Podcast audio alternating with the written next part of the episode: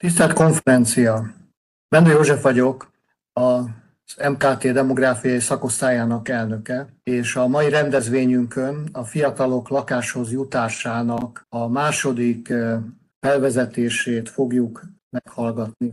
A szakosztályunknak az egyik fontos célja, hogy szakpolitikai javaslatokat fogalmazzunk meg a születésszám lehetséges növelésének az irányában, és hogy egy független hiteles tájékoztatást adjunk a valós demográfiai helyzetről. Ezek közé tartozik a mai témánk is, a fiatalok lakáshoz jutása, és itt mi kiemelten a fiatalokat helyezzük a fókuszba, mert nem általános lakás kérdésekről beszélünk, a, ugyanis hát nyilvánvaló, hogy a gyermekvállalásnak az egyik alapfeltétele, hogy önálló lakással rendelkezzenek a fiatalok. Szeretném köszönteni tehát a kedves hallgatókat és az előadóinkat is, és átadnám a szót Szavatkai Antalnak, aki a mai programunknak a szervezője.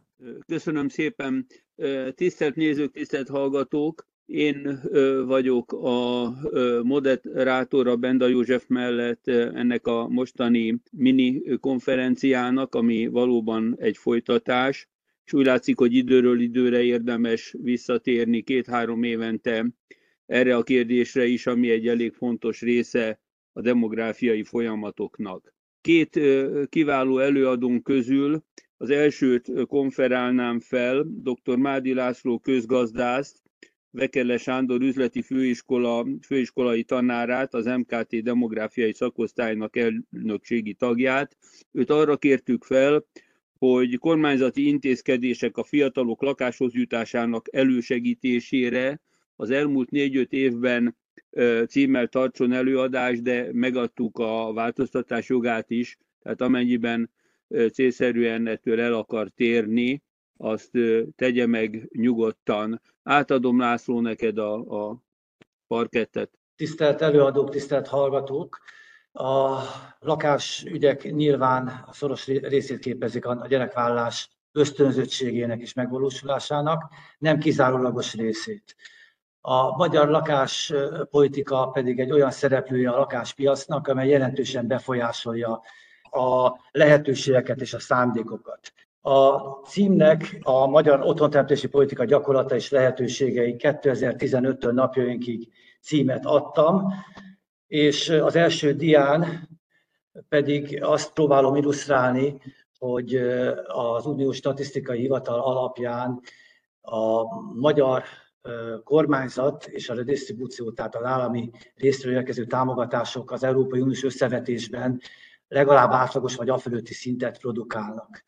Tehát általában fél-másfél százalék szokott a GDP arányosan lakás támogatásokra jutni. A lakás támogatás definíciója egyébként, tehát izgalmas kérdés, hogy mit minősítünk annak. Ez egy nagyon országról országra eltérő gyakorlatot mutat. A, mit Magyarországon a lakás támogatásokat veszük, akár GDP arányosan, akár pedig nominálisan, akkor 2015-től kezdődően egy egyértelmű növekedés jeleit figyeltjük meg. 9% fölé emelkedett a tavaly évben már, és a, a GDP arányosan, és a forintos érték pedig 600 milliárd, főleg 635 milliárdig. Az adatom a pénzügyminisztérium forrására támaszkodik. A pénzügyminisztérium nyilvántartás alapján mintegy 30 eszköz lehet definiálni az otthonteremtési támogatások körében, tehát rendkívül diversifikált, sok oldalú, sok lehetőséggel bíró rendszer van. Ezek nyilván nagyon különböző nagyságrendet képviselnek, de azt is lehet mondani, hogy inkább több, mint kevés. Tehát a támogatási rendszer mindig a, azzal küzd, hogy próbálja minél jobban belülni és célzottá tenni a támogatás, ez viszont nagyobb adminisztrációs kötelezettséget és, és szétforgácsoltabb támogatási rendszer generál, vagy pedig általánosabb, generatívabb megoldás, ha eddig is kevesebb eszközzel él, akkor viszont nem tudja annyira a céljait, a definiált céljait elérni, mert nem olyan célzott lövésekkel megy. De azt lehet látni, itt fenn lehet a jobb oldali részén a 635 milliárdnak két nagy tétele van. ez a, a, ez a tavalyi év, tehát a tavalyi évi tényadat.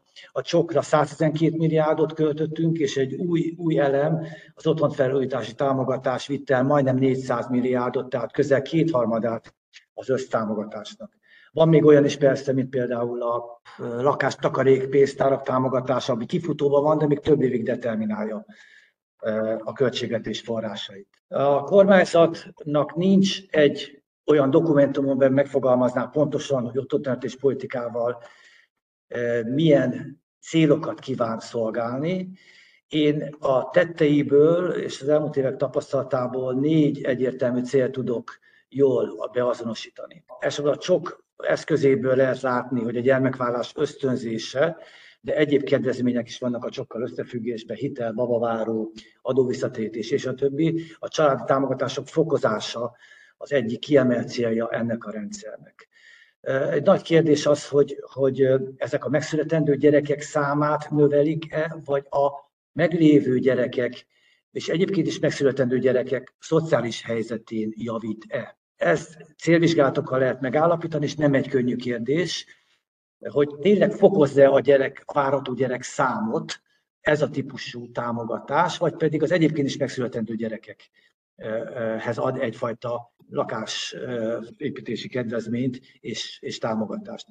A lakásépítés és felújítás nyilván az építés az, ami a GDP szempontjából nagy jelentőségű, de az utóbbi években hál' Istennek a felújítás, az otthonteremtési felújítás előző ábráján lehetett látni, hogy milyen jelentős súlya van jelen, de például majd látjuk azt is, hogy a falusi csoknál is van felújítási támogatási lehetőség.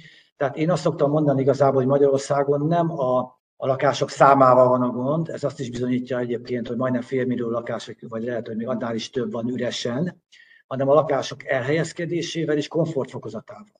Komfortfokozat az, ami, amit a felújítások ösztönzésével, támogatásával tudunk javítani, aminek egyébként szintén komoly munkahelyteremtő és egyébként rezsicsökkentő, környezetvédelmi hatású következményei is vannak.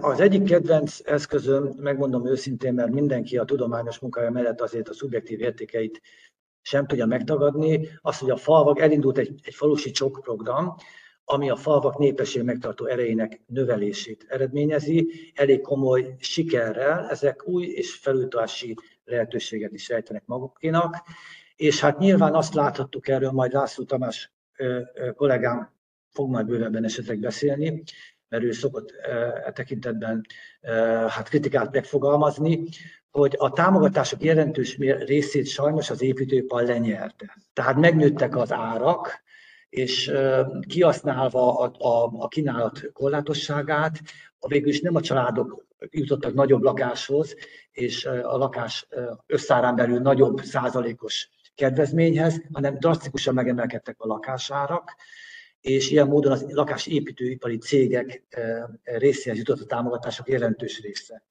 Ez egyébként nem ördögtől való, mert hogyha belegondolunk, hogy munkahelyeket teremtett, olyan beruházásokat teremtett, aminek GDP növelő hatása van, ami kiváltotta a munkaerő jelentős részével küzdenek, tehát egyébként ennek a, a jelentősége pozitív hatása is megvan a negatív hatása mellett. Most, hogy a falusi csoknak milyen hatása van, közel 200 milliárd ment csak ki már a szerződés kötések alapján, és ehhez még járult az adókedvezmény, amit szintén több mint 20, 20 milliárdos összeg.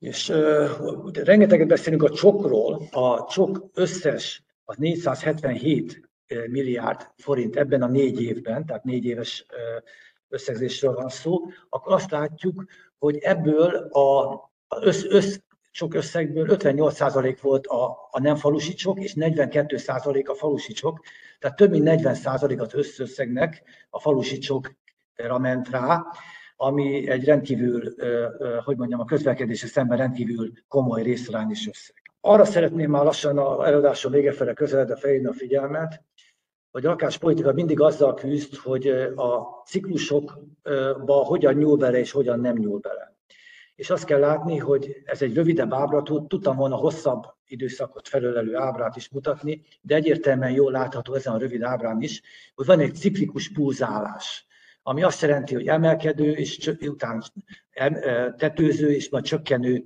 lefelemenő évek vannak a lakásépítések vonatkozásában, és hát itt azt lehet látni, hogy a 2020 körül elértük a plafont, a 2014 15-ös minimum értékről, és elkezdődött egy lefele menet, ami ugyan megtorpant az elmúlt évben, de nem nagyon várható az, hogy ez tovább folytatódik. Egy ilyen lefele menetben a kormányzatnak jelentősen kellene növelni a, a támogatását, hogy fenntartsa a lendületet, de az a helyzet, hogy mind a GDP arányos nagyság tekintetében láttuk azt, hogy az Európai Unió átlagának fölötti összeget fordít a magyar kormány, otthonteremtésre, másrészt pedig a költségvetés bevételei drasztikusan beszűkültek a rezsitámogatás miatt. A rezsitámogatás ezer milliárdos nagyságrendű kiadást jelent minden évben. Hogyha ezt beleszámolnánk, akkor ugye még nagyobb GDP arányos támogatást látnánk, tehát itt ez nem szerepel az előző adatokban, de azt lehet látni, hogy a mozgástér nagyon-nagyon kicsi. Tehát most abba a rendkívül feszítő problémában vagyunk benne, hogy új eszközöket, vagy a jelenlegi eszközöknek a valorizálását kellene, tehát értékmegtartását kellene kitűzni célul, és emelni kéne az összegeket, de nincs miből, mert a költségvetés oldaláról már így is óriási hiányt okoz a rezsitámogatás és általában a gazdasági dekonjunktúra elleni védekezés. Hogyha tovább lépünk, akkor láthatjuk az utolsó érdemi eh, diámon azokat a kívásokat, amelyek jellemzik a mai helyzetet. Nehéz költségvetési helyzet, mint ahogy előbb is utaltam rá, nagy bizonytalanság, a háborús bizonytalanság, újabb vírushelyzet, amit már ugye most például a szudáni víruslabor fenyegető kockázatok és egyéb hírek alapján is lehet gondolni. Nagyon fontos téma, amiről nagyon keveset beszélünk, hogy a csoknál, falusi csoknál bizony a vállások, a munkahelyelvesztések, a visszaélések hihetetlen komoly problémákat születnek a jövőben, és ezeket majd kezelni kell. Ezek minden ilyen támogatásoknál eh, kialakulnak, hiszen próbálnak visszaélni magyar emberek eh, ezekkel a lehetőségekkel, és hát bizony az ellenőrzés iszonyatos költséggel és adminisztrációval jár, és ennek a terhét majd viselni kell. Most mi a helyzet a jelenlegi piacon? Azt látjuk, hogy a költségvetési támogatási lehetőségek beszűkültek, igazából csak úgy lehetne változtatni rajtuk, ha kivennénk elemeket, és tennénk be a helyükre ugyanannyi pénzen más elemeket, de a lakáshitel kamatok emelkednek. Nagyon kevés család az, aki mag önerőből képes. Elsősorban a jobb módú és befektetési célra vásárló képesek önerőből lakást vásárolni. A lakáshitel kamatok megemelkedése a törlesztő részleteket nagyon megemeli, és a, és a bizonytalanság a jövőre nézve pedig megint csak visszaveti a lakásvásárlási kedvet. A reálbérek, tehát hogy mennyit ér a bér az inflációhoz képest, azok stagnáló vagy csökkenő problémákkal küzdenek, és hát egy nagy kérdés, hogy a fesztett munkaerőpiacon azt gondolom, hogy nem valószínű, hogy jelentős csökkenés álljon elő, de ez is egy korlátot jelent.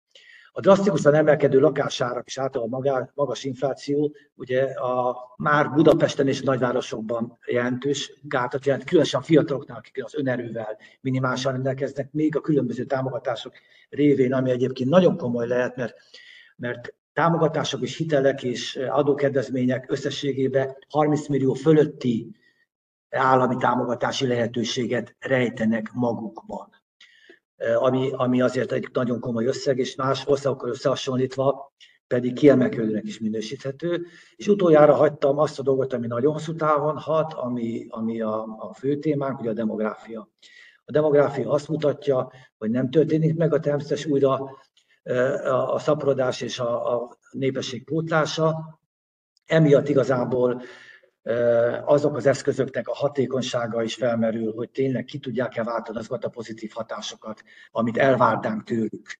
A magasabb jövedelmi rétegek, réteg, rétegű ö, ö, családok nem vállalnak több gyereket általában. Ezek jelentős mértékben kulturális determinációjuk, vagy, vagy a minták alapján történnek esetleg a felmenők kapcsán. Köszönöm szépen, László, az előadásodat és úgy látszik, hogy sikerült a megfelelő embert felkérni erre a feladatra, mert számomra is számos új információt tartalmazott az előadásod, és bemutatja azt, hogy a kormányzati erőfeszítések azért egy irányba segítő irányba mutatnak, és nyilvánvaló, hogy a kisebb-nagyobb problémák ellenére azért ennek a hatása is megnyilvánul. Én most a következő előadónkat konferálnám fel, László Tamás építészt, városépítési, városgazdálkodási szakmérnököt, szintén a szakosztályunk elnökségi tagja, és kérlek tartsd meg az előadásodat, a címe változott, ezért azt is te mondd, légy szíves, Tamás. A címe az ökológikus lakhatás, benne kiemelten az első lakáshoz jutás. Most amit Mádi László barátom előadott, abból látható volt az egyik dián, hogy milyen hihetetlen, sokrétű támogatási rendszer veszi körbe a lakhatást, de ezzel együtt én azt mondom, hogy ez nem illeszkedik bele egy teljes lakhatási rendszernek a jelenébe, jövőjébe. Ezért választottam azt, hogy az ökológikus lakhatásról kellene elsőként beszélni, hogy bele tudjuk, hova tudjuk beilleszteni azt, hogy mit szeretnének a fiatalok. Egy definíciót mondok, hogy mi is az az ökológia, az együttélés tudománya. A későbbiekben többet fogok erről beszélni. Természetesen a, a táji, természeti, települési ökológiával nem fogok most foglalkozni, de a társadalmi ökológiával annál inkább, aminek a témái szociológiai megközelítésűek, adott közösség helyzete, fejlődése, fenntarthatósága, zsugorodás, bővülés, előregedés, stb.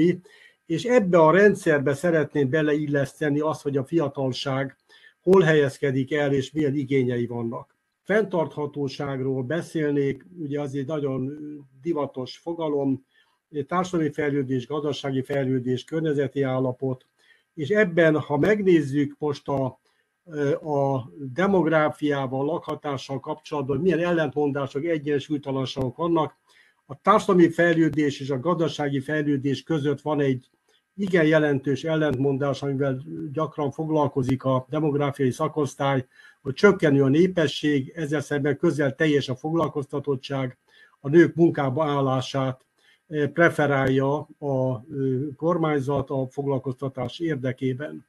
A másik ilyen ellentmondás a gazdaságfejletés versus környezetvédelem, földvédelem. Utóbbi időben nagyon sok olyan hát vita formálódott és robbant ki, ami pontosan a gazdasági fejlődésnek a földvédelemmel kapcsolatos témáit feszegeti.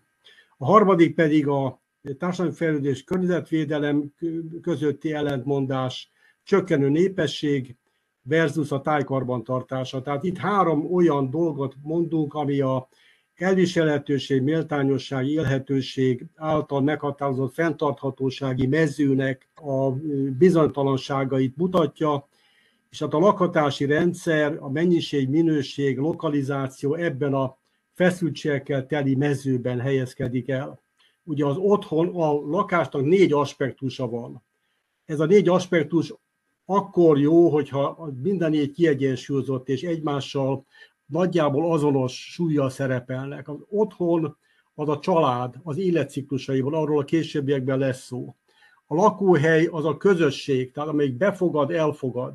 Tehát mai helyzetben a lakóhely az szigetszerűen jelenik meg, és nincs igazán kapcsolatban a jelenlegi lakásépítés a, a, az adott településnek az életével, és nem, nem teremt igazán közösséget.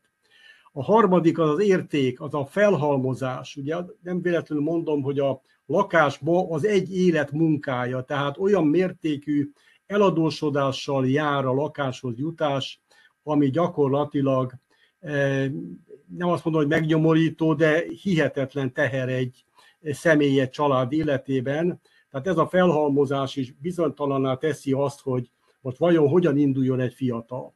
A negyedik az a termék, vagyis építés és a felújítást is ide veszem. Meg kell mondani, hogy a lakás az a legdrágább termékfajta, e, és a előadásomnak a következő részeiben majd a olcsóbbá tétellel fogok hangsúlyosan foglalkozni.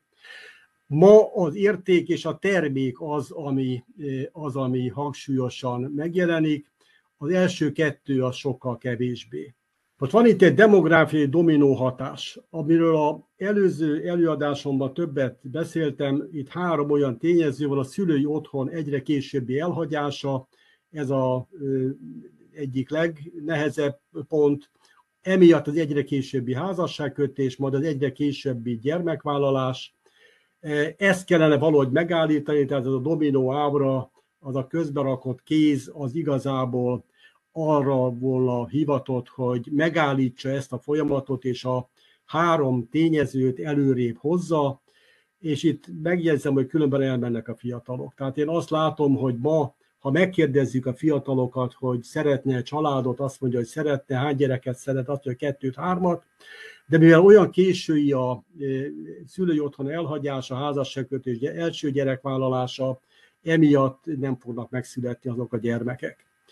Az MNB-nek a versenyképességi programjában 2019-es, abban az szerepelt, hogy évi 2000-re több gyermek kellene, hogy szülessen, 2030-ig, hogy elérjük a 110 ezres gyermek születési számot, most 90 ezer alá szorultunk már, és mivel 19 óta ez az évi 2000 gyermek többlet nem született meg, ma már inkább azt mondanám, hogy több mint 3000-rel kéne több gyermek szülessen. Nem véletlen az, hogy a Magyar Nemzeti Bank elnöke demográfia 2.0-át sürget. Tehát úgy gondolom, hogy itt egy olyan tényező van, amin a legintenzívebben el kellene gondolkodni. Az előző előadásomban határozottan foglalkoztam azzal, hogy mit is jelenthetne, tehát mik azok a tényezők, mik azok az eszközök, amivel el lehetne érni ezt az évi többlet 2000 gyermek születését, Ebben szerepelt természetesen a fiatalok első lakáshoz jutásának a támogatása, a második, ami hát egy, egy meglévő folyamat, az abortuszok számának a további esetleges csökkentése. A harmadik dolog, ilyen tényezőket emlegettem, hogy a, a, a különböző otthon támogatási rendszereknek a korhatárát ki kellene talán tolni. Azt látjuk, hogy egyre csökkenő korosztályok vállalnak gyermeket, és a fiatalok létszáma is folyamatosan csökken, de hogyha korábban tudnák elhagyni a szülői otthont, korábban tudnának házasságot kötni, akkor a, a kívánt gyermekek meg tudnának születni. Tehát úgy gondolom, hogy ez az egyik legfontosabb feladat. Ugye sokat emlegettem ezt a bizonyos családpolitika igazodjon a családok életciklusához.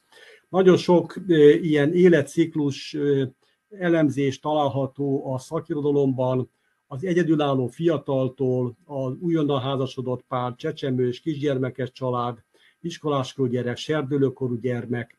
Én itt közbeiktattam egy pontot, ami a szakirodalomban nem nagyon szerepel, ez a mozaik családok lakás igénye, tehát általában serdülőkor környékén következnek be a vállások, és, és ott, ott egy törés van ebben a családok életciklusában és azt mondhatjuk, hogy az életciklus nem egyenes vonalú egyenletes, tehát ebből további lakás problémák is keletkeznek. Utána jön a felnövekvő gyermekek kibocsátó család, szülő otthon elhagyása, ebben is folyamatok vannak. Ha visszatérjünk az első ponthoz, akkor azt látjuk, hogy kollégium, szobabérlés, közös lakás és hasonlók vannak.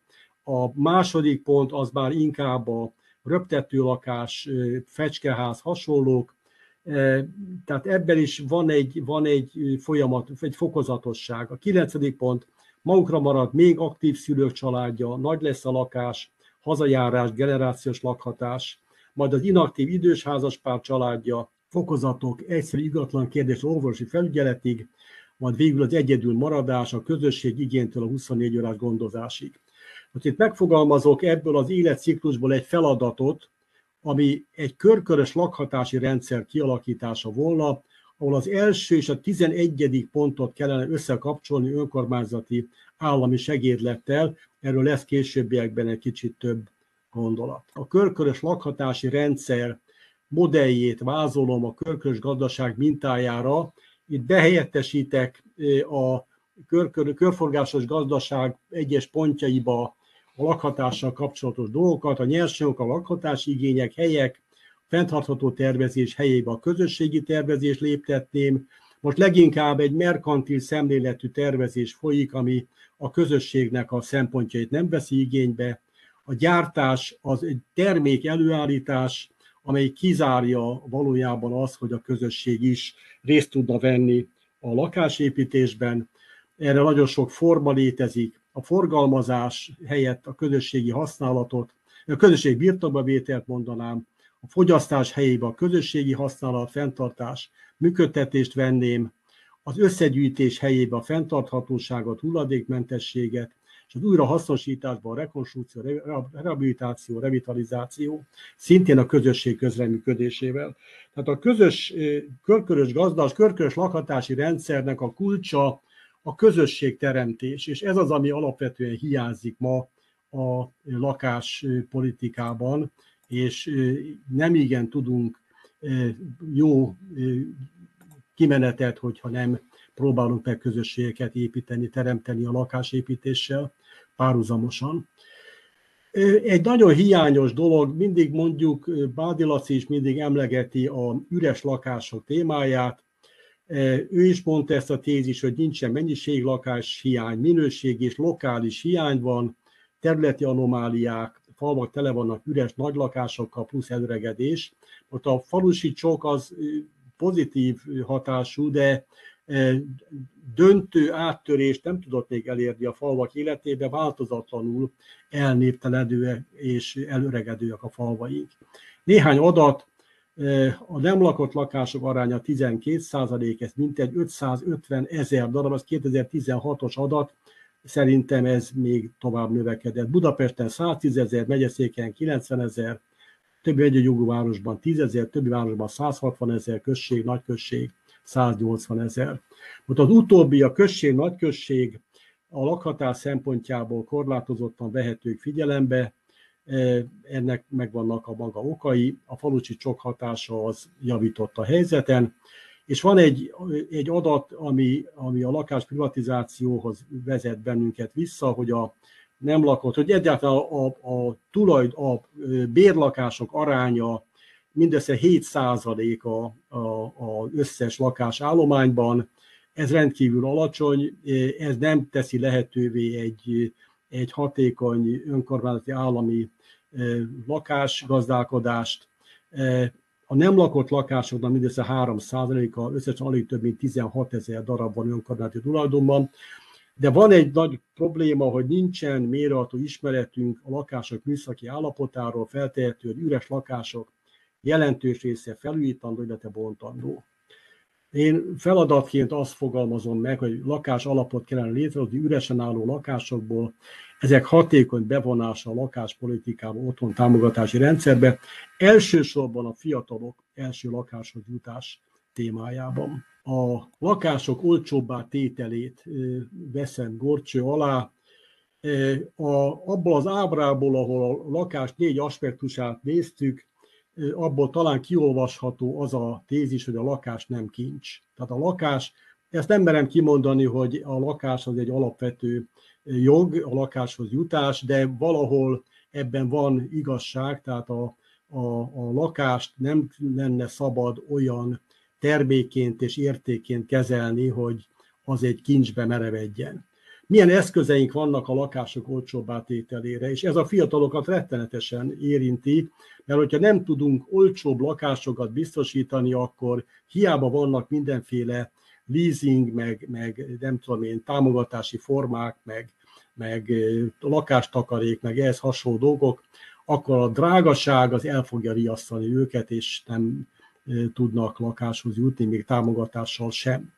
A terület előkészítés az egy alapvető dolog, meglévő lak, tehát nem, nem új szűz területeken kellene lakásokat építeni, meglévő lakóterületeken, tehát belterjesen kellene gondolkodni, települések idő, energia mérlegének figyelembevételével, barnamezős területek szanálásával, nem véletlenül tettem ide kérdőjelet, itt a szanálás általában olyan hihetetlen költségekkel jár, hogy a barnamezős területeknek a felszabadítása az, az nagyon nehéz. Olcsó telkek kialakítása, csokot igénybevevők számára, spekulációs hatás letörése, de van egy, egy kis példa, földszinti lakásról a lakótelepeken, arról egy pár képet fogok mutatni. A második lehetőség, eszköz, lakóközösségek létrehozása erre rengeteg nagyon izgalmas példa van Európában, Ausztriában, Hollandiában, hasonló helyeken. Ez azt jelenti, hogy már a tervezés előtt bevonni lakó, lakott közösséget létrehozni, bevonni őket a tervezésbe, kivitelezésbe, működtetésbe és fenntartásba is. Tehát, hogyha teljes élettartamát vizsgálom a lakásnak, akkor, akkor kiderül, hogy a tervezés az egy adott költség, a építés az egy rettenetes költség, de utána sokkal nagyobb költség arra az az 50-100 éves időtartam, amikor működtetni, fenntartani kell, és ha ezek mind piaci szolgáltatással valósulnak meg, akkor ez is rettenetesen drága. Van egy fontos pont, hogy fokozatosság, bővíthetőség, befejezetlenség. Itt azt célzom meg, hogy ne akarjuk már azonnal egy távoli cél érdekében lakást létesíteni, legyen bővíthetőség, és így tervezzünk már eleve kifelé és befelé is.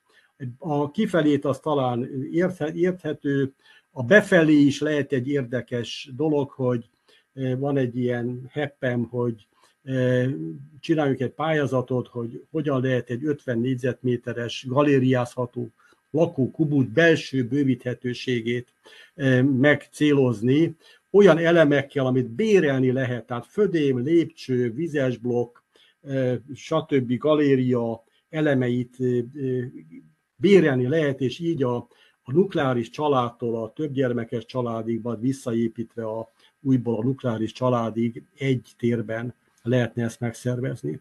Lehetnek természetesen technológiai szervezési eszközök, az előregyártást azt nagyon komolyan föl kéne újra karolni, helyszíni élőmunka csökkentése érdekében, lakó hozzájárulásának a lehetőségét biztosítani olyan eszközökkel, amik ugye ma a építés az gyakorlatilag egy olyan, olyan professzionális dologgá vált, ami nem igen teszi lehetővé, hogy a lakó is valami lépéseket tegyen a lakása érdekében.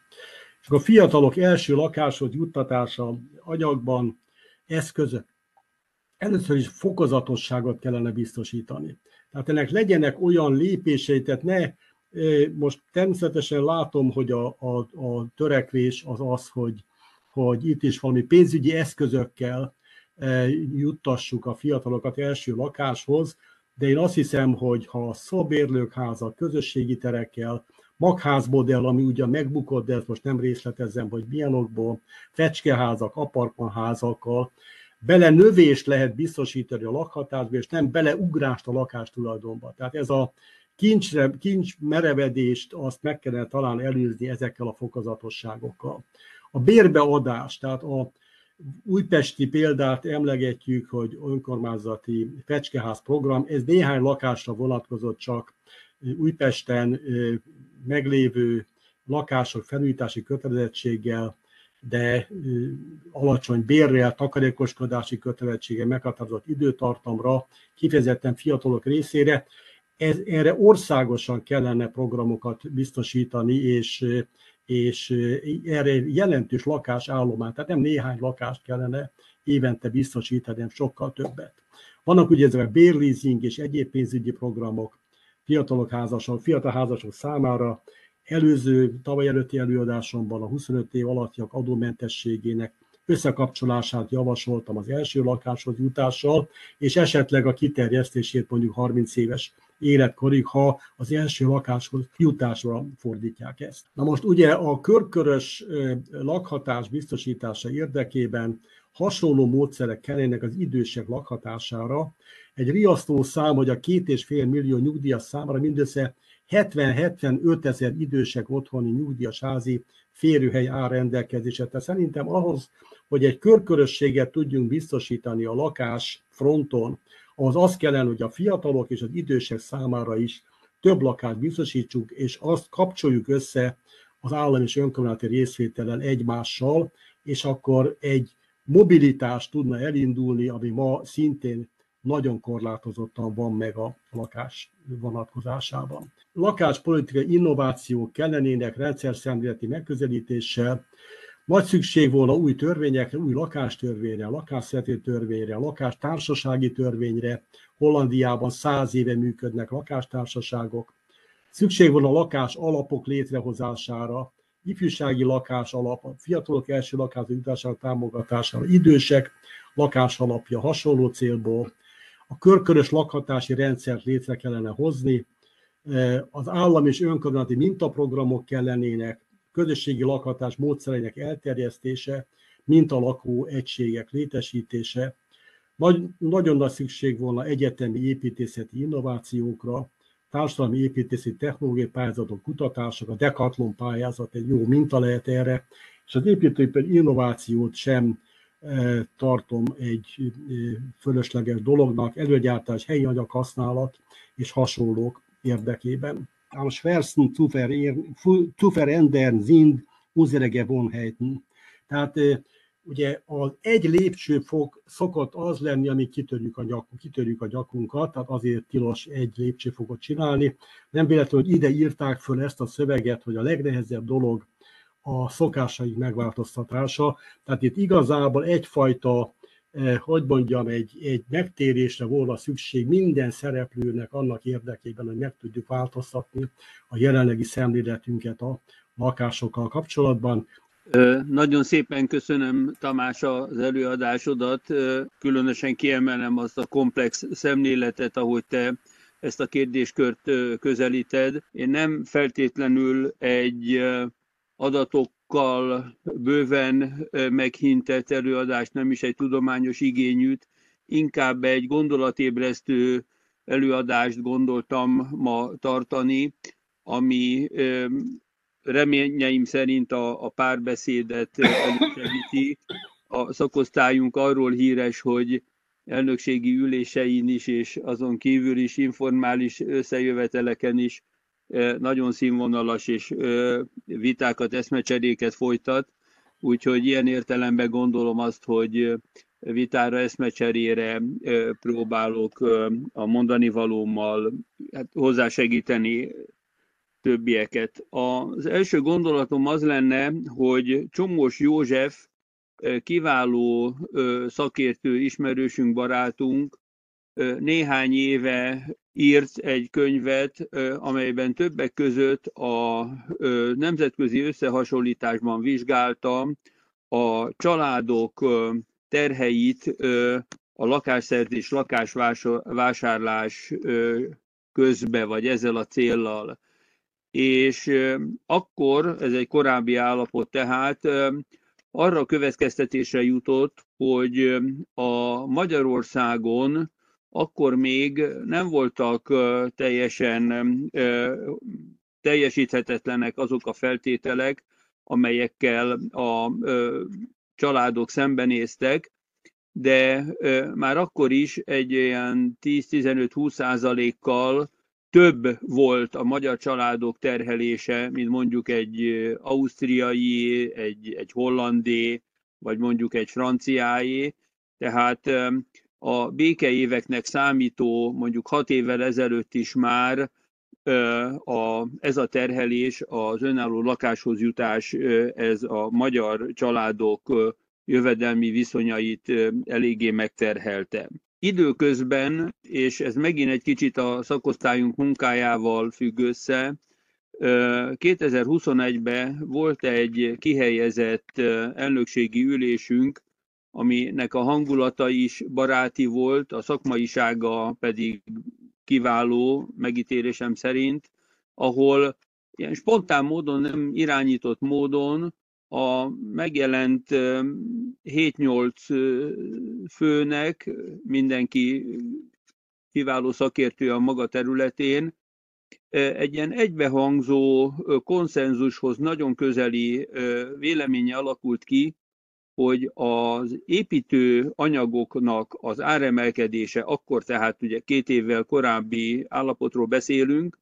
az olyan mértékű, hogy valószínű kormányzati beavatkozást igényelne, tehát fékezni a több esetben indokolatlan építőanyag áremelkedést, ami sokak számára elérhetetlenné teszi új vagy akár használt lakás vásárlását is, hiszen a, a lakások árának nagyarányú emelkedéséhez vezet. És ennek a társadalmi tevékenységnek a hasznosságáról én akkor győződtem meg, amikor egy héten belül kormányintézkedést jelentettek be az építőanyagárak fokozott ellenőrzésére, amitől mindannyian hát az áremelkedés megfékezését, lefékeződését vártuk. Három hónapon belül nagyjából kiderült, hogy ez egy ilyen ideiglenes, pozitív hatás volt csak, egy kicsit az érintettek visszafogták magukat egy-két hónapig, talán három hónapig, és újra beindult ugyanaz a folyamat, amit többek között ez az állami fokozott ellenőrzés is hát megfogni kívánt.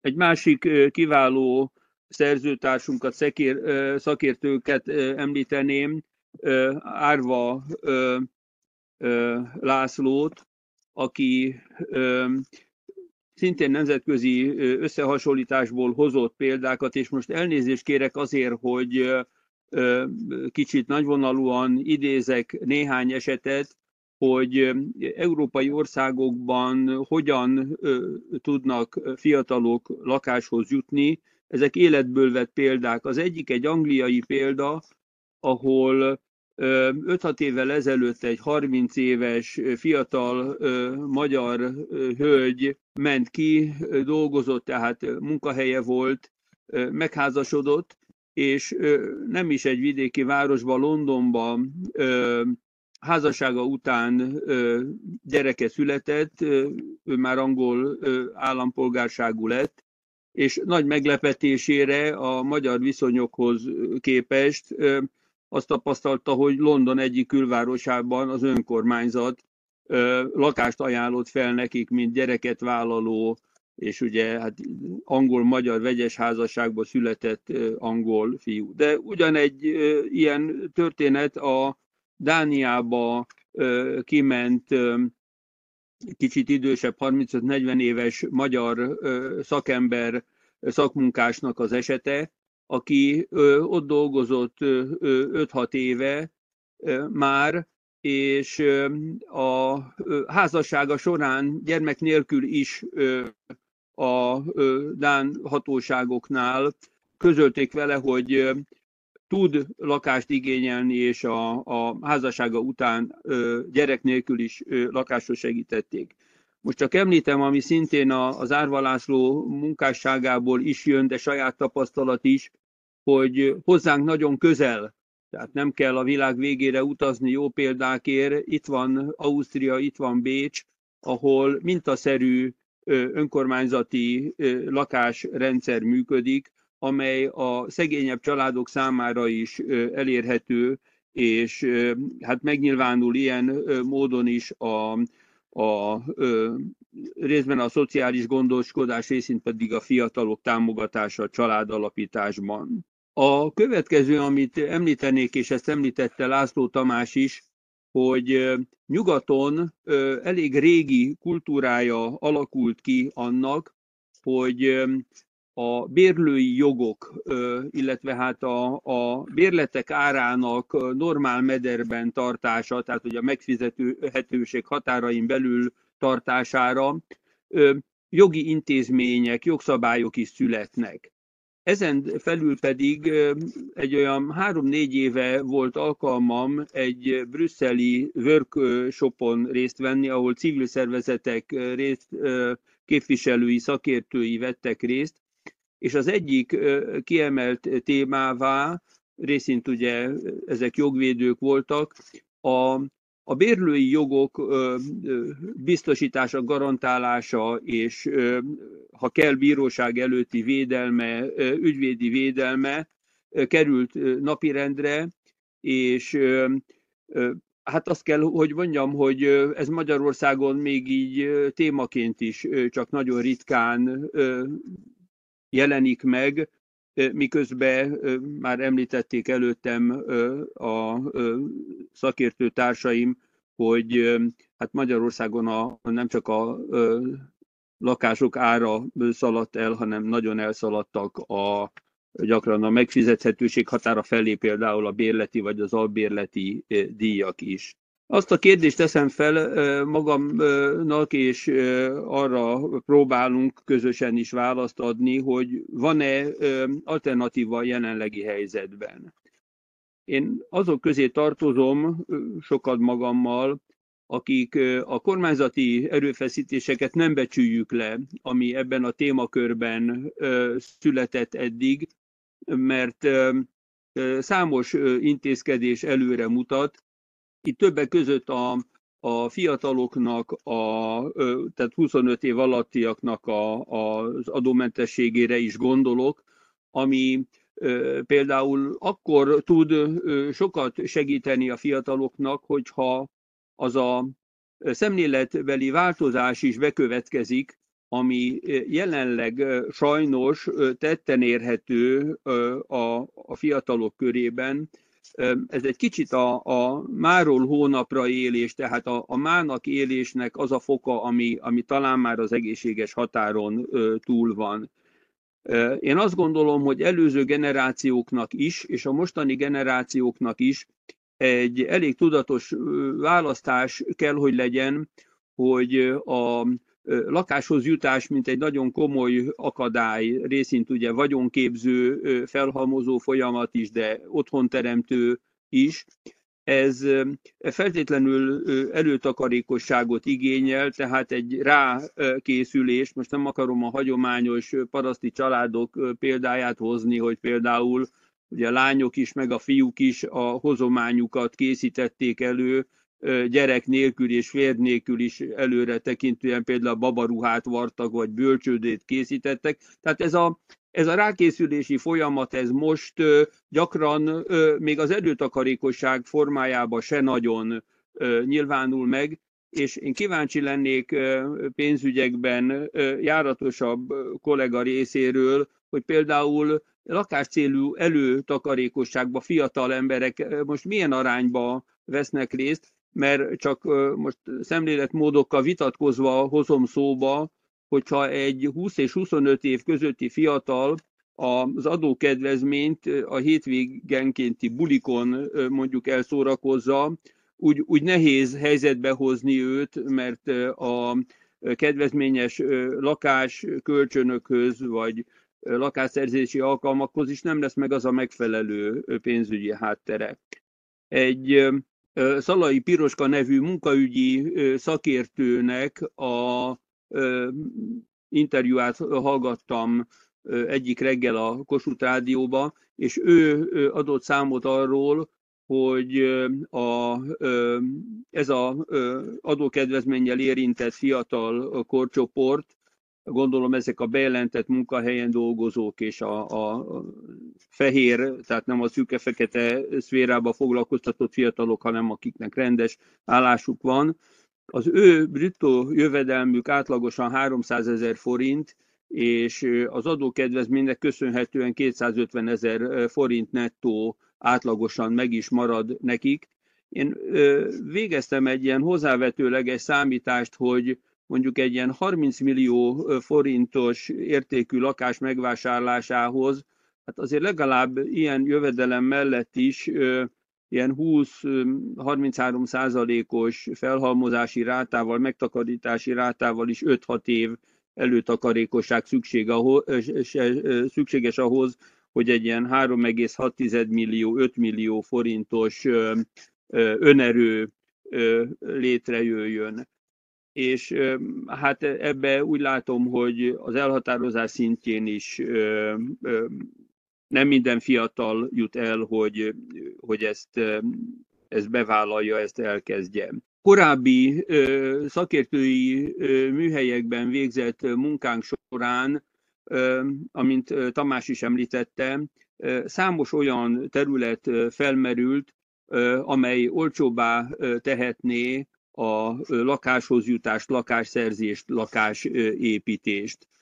Korábban és vidéken széles körben ismert volt a családok közötti, tehát nem a családon belüli családok közötti kölcsönös segítség a, a kaláka, a saját kivitelezésű lakásépítés, ugye nyilván megfelelő engedélyek birtokában. Itt most a, az egyik pályatársunkat, szakértőnket, Lőrinc Kálmánt idézném, aki a házat, hazát mozgalommal számos konkrét esetben önkormányzatokkal, vállalatokkal tárgyalva hozta helyzetbe azokat a 8-10 családból álló csoportokat, akiknek alkalmanként kedvezményes közművesített önkormányzati telket, vállalatok részéről árengedménnyel beszerzett építési, szerelési anyagokat biztosított, és ezzel azt szeretném csak mondani, hogy az ilyen és ehhez hasonló jó példák általánossá tétele, felkarolása, szélesebb körben való terjesztése nagy segítséget adhatna fiataloknak első lakáshoz jutáshoz, akiknek az én felfogásomban is az első lépés megtétele a legnehezebb, tehát egy viszonylag olcsó, de használható, megfelelő minőségű lakáshoz jutás a, az első önálló évtized elkezdéséhez, ami nyilvánvalóan később anyagi helyzetük jobbra fordulásával, lakáscherével, másiknak a vásárlásával tovább fejlődhet, de ez az első lépés, hogy egy kicsit megugorható legyen és, és teljesíthető legyen, ebbe kellene a segítség. A lakástakarék kasszáról is mondanék valamit, nagyon jónak tartottam azt a kormányzati intézkedést, amelyik jelentős támogatása, vagy akkor jelentősnek tűnő állami támogatással díjazta, jutalmazta a lakáskasszába résztvevőket, előtakarékosságokat végzőket. Csak 2018-ban az egyik része ennek megszűnt, gondolom finanszírozási vagy egyéb dolgokból, amihez a, a visszatérés talán jó lehetne, nem feltétlenül óriási összegekben gondolkodom, ennek inkább a, a takarékos szemlélet meg elterjesztésében lenne nagy pedagógiai hatása gondolatom szerint, és a jó hír az, hogy most már újra üzleti alapon is három jelentős magyar bank gondolkodik abban, hogy a korábbi konstrukciókhoz hasonló konstrukcióval előrelépjen. Hát nyilván hiányzik a, a korábbi állami támogatási lába ennek, de három konstrukció is ismeretem szerint jelenleg versenyez ebbe. Valami itt is mozdult és a jó irányba. Nem beszélek sokat a falusi csokról és a, egyáltalán a csokról. Ez is, ahogy Mádi László mondta, jó lett volna, hogyha minél nagyobb része az érintett családokhoz kerül ezeknek a kedvezményeknek, de hát tudjuk, hogy végül is ez más más irányba kerültek ezek a kedvezmények, ami biztos az építőiparnak, meg a cégeknek ez egy előny, de a, a célzottakat nem találta sajnos el. A kedvezményes bérleti díj melletti lakáshoz jutás az elsősorban ott jön szóba, ahol önkormányzati állomány, lakásállomány van, és itt megint egy szemléletmódbeli problémára hívom fel a figyelmet. Van némi tapasztalatom, ismeretem budapesti önkormányzatoknak a, az ingatlan gazdálkodásával kapcsolatban, ezt fórumokon többször tárgyaltuk. Az a szemlélet, hogy a régi, tehát most három évtizedes, három és fél évtizedes folyamatokról beszélek, tehát nem tegnapi problémák ezek. Az önkormányzatok tendenciaszerűen próbáltak a lelakott, elavult, számukra is problémát jelenlő, jelentő lakásállomány jelentős részétől megszabadulni, és ez a szemlélet még mindig ott kísért egyes önkormányzati politikusokba, vagy, vagy önkormányzati vezetőkbe. És ahhoz, hogy ez a szemlélet megforduljon, tehát mondjuk egy Bécshez hasonló vagy a legjobb magyarországi önkormányzati példákhoz hasonló szemléletváltozás történjen, ahhoz szerintem kellene egy állami támogatás, amelyik, ha semmi más nem tesz, csak megtámogatja a jó kezdeményezésekben anyagilag, és nem arra gondolok, hogy az oroszlán részt költségeket viselje, hanem egyáltalán társfinanszírozóként az ilyen téren szerepet vállaló önkormányzatok mellé álljon be, és ezt erősíti. És az utolsó témakör, ami korábban 6-7 éve még szélesebb körbe tárgyaltunk és, és fontosnak gondoltuk, ez pedig a, a családon belüli segítés, a, a fiataloknak a családi segítséggel való ö, lakáshoz, lakhatáshoz jutása, mert ö, ugye természetes módon ö, bekövetkezik az, amikor ugye nagyszülők, idős emberek elhaláloznak, megüresedik a lakásuk, és én magam látom a saját ismeretségi körömbe, hogy nagyon ritka az, amikor családtag lép az ilyen lakások helyére. Részint ugye ez az oka a vidéki lakosság csökkenésének, a falvak, kis települések eldéptelenedésének, ami hát nem feltétlenül szükségszerű, hogy így legyen, de hát ez csak az egyik konkrét formája ennek, amire gondolok, a másik pedig az, hogy nyilvánvaló, teljesen vagyontalan fiatalok elindulása vagy lakásszerzése esetén nagyon sokszor a jobb módú családok anyagilag is segítenek, beszállnak. Na most a előző konferenciánkon meghívtunk egy banki szakembert, aki hát sokunk számára egy kicsit csalódáskeltő előadással rukkolt elő, az bizonygatta, hogy a pénzügyi rendszer, a bankrendszer mennyire lelkesen támogatja a fiatalokat különböző konstrukciókkal a, a lakáshoz jutásba. A problémákról ott nem került sor, mi utólag tettünk egy pár kritikus megjegyzést, nyilván nem csak én, és a magyar családok megtakarítási képességét hozom ide példának, tehát azt, hogy kerülgetjük, mint macska a forró kását, de ki kell tudni mondani, hogy a lakásszerzéshez szükséges jövedelme az a magyar, lakás, magyar családok többségének körülbelül kétharmadának nincs meg, hiszen a magyar családok fele megtakarításra nem képes, ezek nem az én adataim, ezek nyilvános adatok, és egyhatoda pedig a, csak éven belüli megtakarításra képes. Ilyen jövedelmi viszonyok és megtakarítási képesség mellett a lakosság kéthatodának esélye nincs arra, hogy a jövedelméből lakáshoz jusson. Én nem folytatnám tovább, mert előzetesen beszéltük azt, hogy az interaktívra részre hagyjunk esetleg több időt.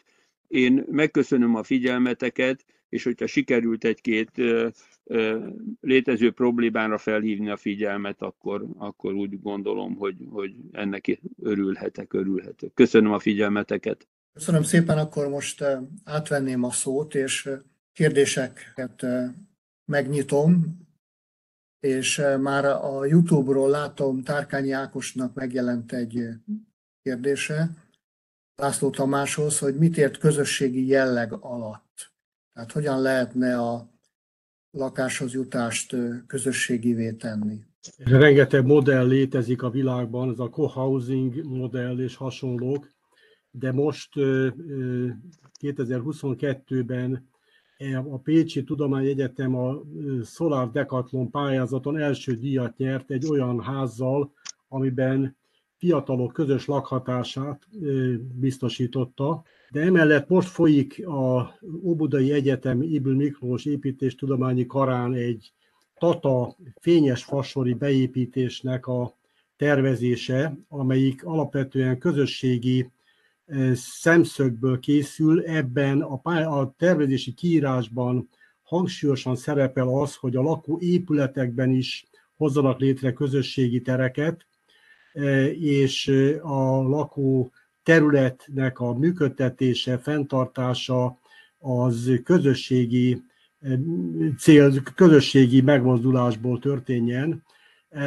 Ez, ez tervezési szempontokat is jelent, és hát meg kell mondanom, hogy a fiatalok, akik ezt a fél éves komplex tervet csinálták, óriási lelkesedéssel vettek részt ebben a munkában.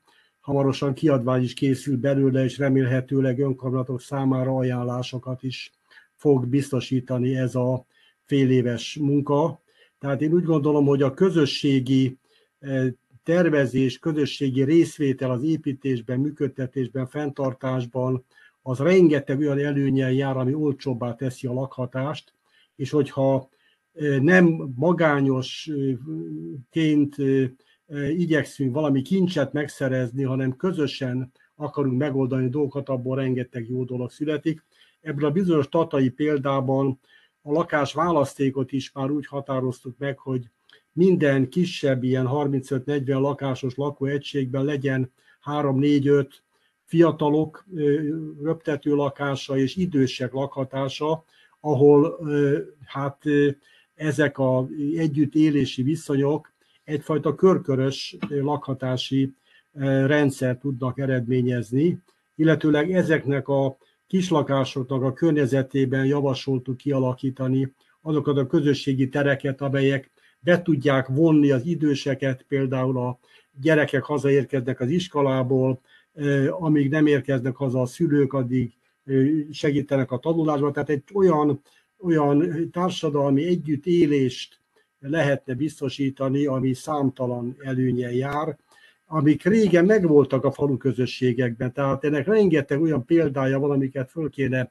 támasztani, föl kéne melegíteni, és ennek számtalan előnye lehet a mai spekulációs lakásépítéssel szemben. Köszönöm szépen! Úgy értettem a három előadást, hogy Mádi László egy ilyen makrotársadalmi megközelítésben vizsgálta a lakásnak, a lakhatásnak bizonyos ilyen statisztikai jellemzői mentén a, azt, hogy a fiatalok hogyan juthatnak, milyen támogatásokkal juthatnak lakáshoz. László Tamás egy új megközelítést alkalmazott a közösségi lakhatásnak talán egy koncepciója került kibontásra, ami már egy komplexebb megközelítés, mint amikor csak gazdasági tényezőként, ahogy ő fogalmazott, kincsként nézünk a lakásokra, és a Szabadkai Antal pedig inkább a családok felől közelítette a kérdést, hogy hogyan tudnak lakáshoz jutni a családok. Az, amit a fölvázolt Tamás, László Tamás, egy innovatív megközelítéssel találkoztunk, egy olyan nézőpontnak a beemelésével, ami tulajdonképpen egy, egy ilyen jövőképet tesz a, a gazdasági szemlélet mellé. És azt szeretném megkérdezni most, Mádi Lászlótól is és Tamástól is, hogy ennek a koncepciónak, hogyha ez kibontakozik, vagy már lehet, hogy vannak erre csírák, akkor ki lehetne a gazdája? Hogyan lehetne a, a makrogazdasági megközelítésbe beemelni ezt az innovatív közösség elvű, nem is lakás, hanem közösségi élettér koncepciót. És akkor először Tamásnak adnám meg a szót. Ez a bizonyos tatai példa, amit vázoltam, az úgy indult, hogy a város el akar adni egy 6 hektáros területet vállalkozóknak, hogy azok majd építsék be a területet. A szerencsére ez nem sikerült ez a vállalkozás, tehát nem tudták eladni a területet, és akkor merült fel a gondolat, hogy inkább készítsük elő ezt a területet olyan módon, ami sokkal nem egyszeri bevételt biztosít az önkormányzat számára, hanem hosszú távra telepít le közösséget, és azoknak a jelenléte, adóbefizetései és mindenféle közreműködése a város életében sokkal több előnyel jár, tehát egy távlatosabb meggondolás, mint az, hogy egyszeri bevételhez jutnának. Ilyen típusú hát, lakófejlesztések egyébként a világban vannak, ehhez a tatai tervezéshez, komplex tervezéshez én összegyűjtöttem Európából vagy 20 olyan példát, ami teljesen hasonló szemszögből és hasonló módszerekkel készültek. Ezek Angliában, Hollandiában, egyéb helyeken nagy díjakat nyert vállalkozások, tehát építészetileg is, szociológiai is olyan innovációkkal jártak, ami a vállalkozóknak a figyelmét is felkeltette, és ugye ezek a bizonyos lakástársaságok, tehát hogy egy lakó közösség összeáll és a megvalósításban közreműködik, ennek is számtalan előnye lehet. Most ehhez sajnos egy csomó törvényt kellene csinálni, tehát például a lakástársasági törvényt kéne csinálni, módosítani kéne a lakástörvényt, a lakásszerzeti törvényt, nem véletlenül az egyik diámon szerepelnek ezek az innovációk, hogy egy csomó mindenhez hozzá kéne nyúlni ahhoz, hogy ennek a törvényi keretei és háttere eh, megteremtődjön. Tehát én szerintem egyrésztről a törvényhozásban a gazdája természetesen a, a, a kormány, az állam, a parlament, de gazdái az önkormányzatok, amelyeknek vannak tulajdonaik, amikkel eh, hát jó-rosszul gazdálkodnak, és szerintem vannak korlátozott mértékben a vállalkozók is, akik azért megtalálhatják a fantáziájukat, hogyha nem akarnak 30%-os vagy annál nagyobb hasznot elérni, akkor, akkor e, szerintem be lehet vonni őket is egy-egy ilyen vállalkozásba. Tehát olyan szintig vegyenek részt a munkában, ahonnan már át lehet adni a lakóközösségnek a további fejlesztési feladatokat. Tehát én szerintem a gazdái ma is megvolnának, csak ez az együtt gondolkodás hiányzik. Mádi László. Igen, hát a, legfontosabb dolog lenne az, hogy a törvényeket megelőzően szülessen egy koncepció. Erről legyen egy szakmai vita, legyen egy, egy jövőkép, amit, amit el kívánunk érni, és a, tá, a koncepció stratégia megfogalmazását a jövőkép után lehet hozzátenni azokat a támogatási formákat és azokat a intézményi formákat, amelyek működőképessé teszik a rendszert. Tehát a jelenlegi szisztéma az az, hogy itt van a szociális bérlakásra vonatkozó kérdés is, hogy az önkormányzatok igazából nem érzik paukénak a feladatot, a meglévő bérlakásaikat is inkább eladják, tehát azokat a közösségi tér kezdeményezéseket kivételektől leszámítva nem igazán karolják föl. Ők a, a, a törvényileg előírt kötelezettségekre koncentrálnak, és azt mondják, hogy nincs pénzük, nincs a szakemberük, nincs erre affinitásuk. Nyilván ez olyan szempontból változhat, hogy egy település, hogyha elindul egy negatív népesedési spirálban, akkor ilyen-olyan módon próbál az önkormányzat lépni, hogy kedvezményes ingatlan jutatással, vagy közövesítéssel, vagy másfajta módon próbálja meg elérni a, a, azokat a építetőket, illetve azokat a, a családokat, akik ott lekívánnak telepedni. A kollégiumok tekintetében látok én egyébként egy pozitív lehetőséget még, ahol közösségépítés is folyhatna. Borzasztóan defenszív jelenleg a helyzet. Ennek igenis van piaci létjogosultsága, itt az állam is tudna a különböző egyetemekkel kooperálni e tekintetben, és hát a munkáltatók oldaláról is be lehet vonni bizonyos esetekben szereplőket egy-egy nagyobb beruházásnál a lakatás területén közösségi tereket is, és közösségi módon gondolkodva is lehetne a jelenlegi körülmények közepette előrelépni. Nyilván a civil közösségeknek is van erre lehetősége, de azt látni kell, hogy, hogy jelenleg a, a, az anyagi ösztönzöttség hiány ezek rendkívül hát sporadikusan, vagy nem, nem, nem jellemző módon fordultak csak elő. Köszönöm szépen. Jött két újabb kérdés, de mielőtt ezeket föltenném, szeretnék még rákérdezni, hogy egyrészt Egyrészt nagyszerű gondolatkörnek tartom azt, amit Tamás itt fölvázolt, egy olyan koncepció, amelyik igazán kibontásra érdemes, és nagyon jó volna, hogyha ez rövidebb, hosszabb formában leírásra is tudna kerülni, és ezt a sajtóban is tudnánk megszellőztetni. Tehát érdemes volna ezen tovább dolgozni. Nagy kérdés az én számomra, hogy ami egy örök kihívás, hogy kinek az érdeke lehet ez. Tehát ameddig nem találjuk meg azt arra a választ, hogy új prodest, ugye ki aki ezt végig tudja küzdeni egy ilyen koncepciót, addig egy ilyen nagyformátumú terv is hát azt a tehát fontos, hogy, hogy oda tegyük mögé azokat a akár vállalkozókat, vagy azokat a politikai lobbikat, amik ennek a, a küzdés, küzdelmében véghez mennek, mert egyébként hát nem fog tudni érvényesülni, gondolom én. És akkor most föltenném megint Tárkányi Ákosnak a kérdését. Azt kérdezi, hogy hogyan könnyíti meg pénzügyileg a fiatalok összefogása a lakásépítést. Tehát a fiataloknak kevés pénzük van, tehát ebből kell alapvetően kiindulni. De hogyha azt a bizonyos fokozatosságot, amit én alapvető szempontnak tartok az egész lakhatási rendszerben, azt betartjuk, akkor, akkor kevés induló pénzzel már a lakhatáshoz hozzá tud jutni, a szülői otthon elhagyásának az első stádiumáról beszélek.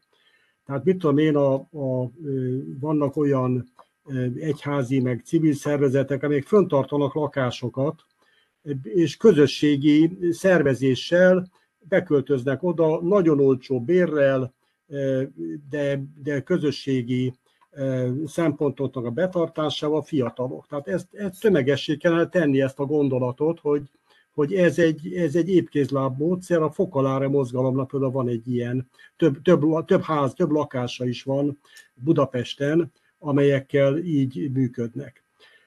A fokozatossághoz hozzátartozik az is, hogy a önkormányzatok írjanak ki olyan pályázatokat, amik kifejezetten fiatalok számára szól, de ne 5-6-ot vagy egy évben, hanem lényegesen többet, amikben a fiatalok a barátaiknak a munkáját, a saját munkájukat is be tudják vonni, bizonyos lakás felújítási kötelezettséget tudnak vállalni, és olcsó bérrel, meghatározott ideig, előtakarékoskodási kötelezettséggel be tudnak lépni a, a, a a albérlethez képest egy fokozattal fejlettebb lakásukba. Tehát én úgy gondolom, hogy alapvetően ezt a fokozatosságot kellene betartani, és kis lépésekben biztosítani, tehát egyfajta életpályát kellene kijelölni, kitaposni számukra, amikben ők be tudnak lépni és tovább tudnak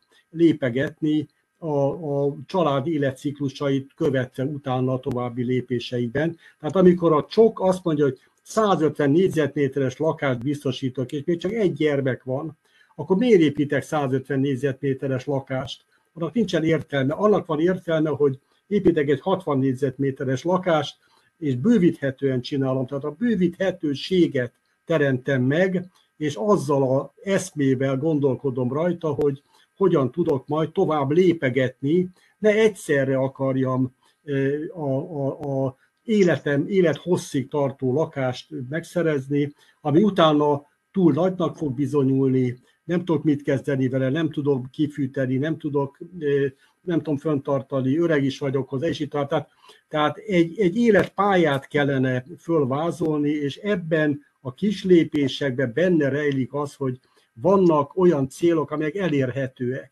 Tehát az, hogy Köszönöm egy fiatal volt eladósodik élete végéig egy nagy lakásra, az a csőd. Tehát úgy gondolom, hogy, és, és ráadásul a röghöz lesz kötve, tehát a mobilitás, lakás mobilitás is ezáltal megszűnik, mert neki ahhoz kell ragaszkodni, amit megszerzett túl, túlzott e, igénybevétellel.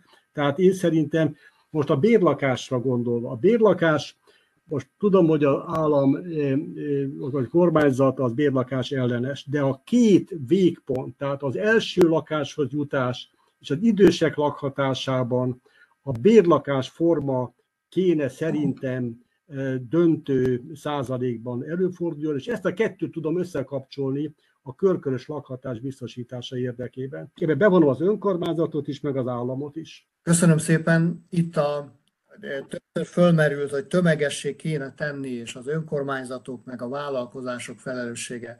van-e a kormányzatban egy olyan szerv, amelyik koordinálni tudná ezeket a, a szereplőket? Jelenleg hogy néz ki az államigazgatásban a lakáspolitikának a formálása? Milyen szervezeti egységek felelősek ezért? Több minisztérium felelős, ugye elmúlt az az idő, amikor volt egy külön építésügyi minisztérium, most van ugye egy állami beruházásokért felelős tárca, amelyik kerettörvényeket is, és az nem csak az állami beruházásokat is kezdeményez, illetve felügyel.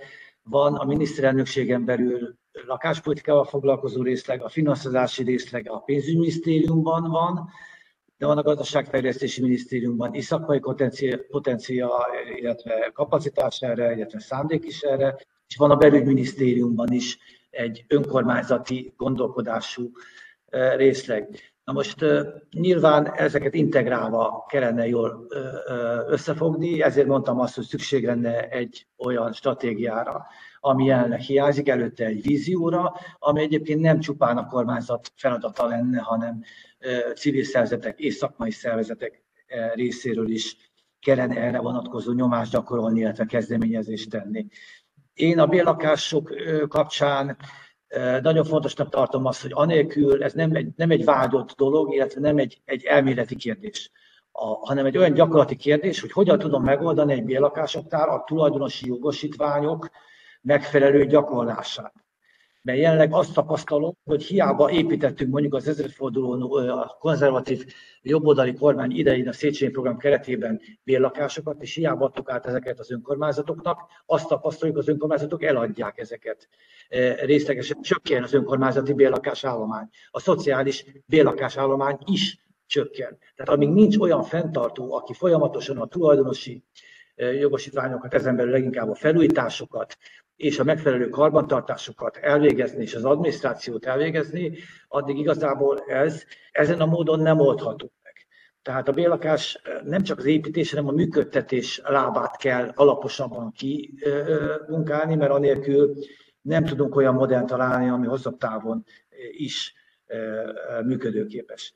A, visszatérve a fiatalokra, Egyetértek Tamással a fokozatosságban mindenképp, tehát előtakarékosság, esetleg emelkedő tehervállalás, ami lehet egyébként egy, egy, egy, egy nem tulajdoni helyzet is, de lehet látni, hogy, hogy a bankok részéről is ez perspektíva, mert azért tesznek ilyen-olyan kezdeményezéseket. 50 ezer forintot beléptet valaki, kifizet azért, hogy beléptet egy embert a banki szférába, mint, mint kuncshaft, vagy vagy a mobiltelefonoknál is tapasztalunk, vagy másfajta módon, hogy megnyerni a fiatalt, mert később az lesz magas jövedelmű ember, és később már az a magasabb törlesztő részlet esetleg arányaiban számára fizetéséhez képest alacsonyabb összeg lesz. És a közösségi munka, a közösség, a tulajdonosi szemlélet, ami kis közösségeknél nagyon fontos költségcsökkentés lehetne és gondosságnövelő, illetve a fenntarthatóság.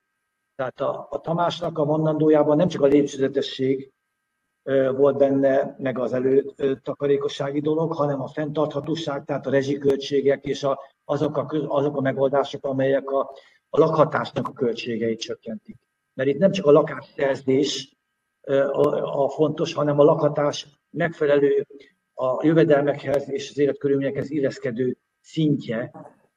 Nem várhatjuk az államtól, hogy folyamatosan rezsi százmilliárdokat öljön bele, meg ezer milliárdokat rezsicsökkentésbe, hanem a mindenkinek a, a saját elvállásával, nyilván egy állami segítéssel is, a lakhatási költségvetését, energiaköltségek és a korszerűsítések megoldását kell elősegíteni. Ebben az államnak van, van komoly szerepe, de ez sem működik egyébként közösségi szerepvállás és szakértői, illetve civil támogatás nélkül. Én nagyon fontosnak tartom, és ebbe úgy látom, hogy a László között és a Tamás között is egyetértés van, és én is egyetértek azzal, hogy egy jó lakáskoncepció kellene, amelyik megmutatná azokat a preferált irányokat, amelyekben mondjuk állam, önkormányzat, bankok közösen gondolkoznak, és közösen támogatják. És a Tamás emelte ki azt, hogy mondjuk a lakáshoz jutás, tehát ilyen közösségek, akik lakásszerzésben mondjuk egy önkormányzat támogatásával elindulnak, mondjuk egy tíz fős lakás építőcsoport, olyan kooperációk, olyan szinergiák jönnek elő, ami a mondjuk kertesházban egyedül ilyenre vállalkozó embernek nem adatik. Én mondok egy életből vett példát. A 70-es évek második felébe egy Pest megyei településen én magam is két évig építkeztem, utána meg nyilván belső építési munkákat végeztem. Tehát saját tapasztalatról beszélek. Itt a 40 lakást építettünk, egy 40 lakást építő csoportba majdnem minden lényeges szakma, szakmához értő fiatal családalapítás előtti ember előfordult.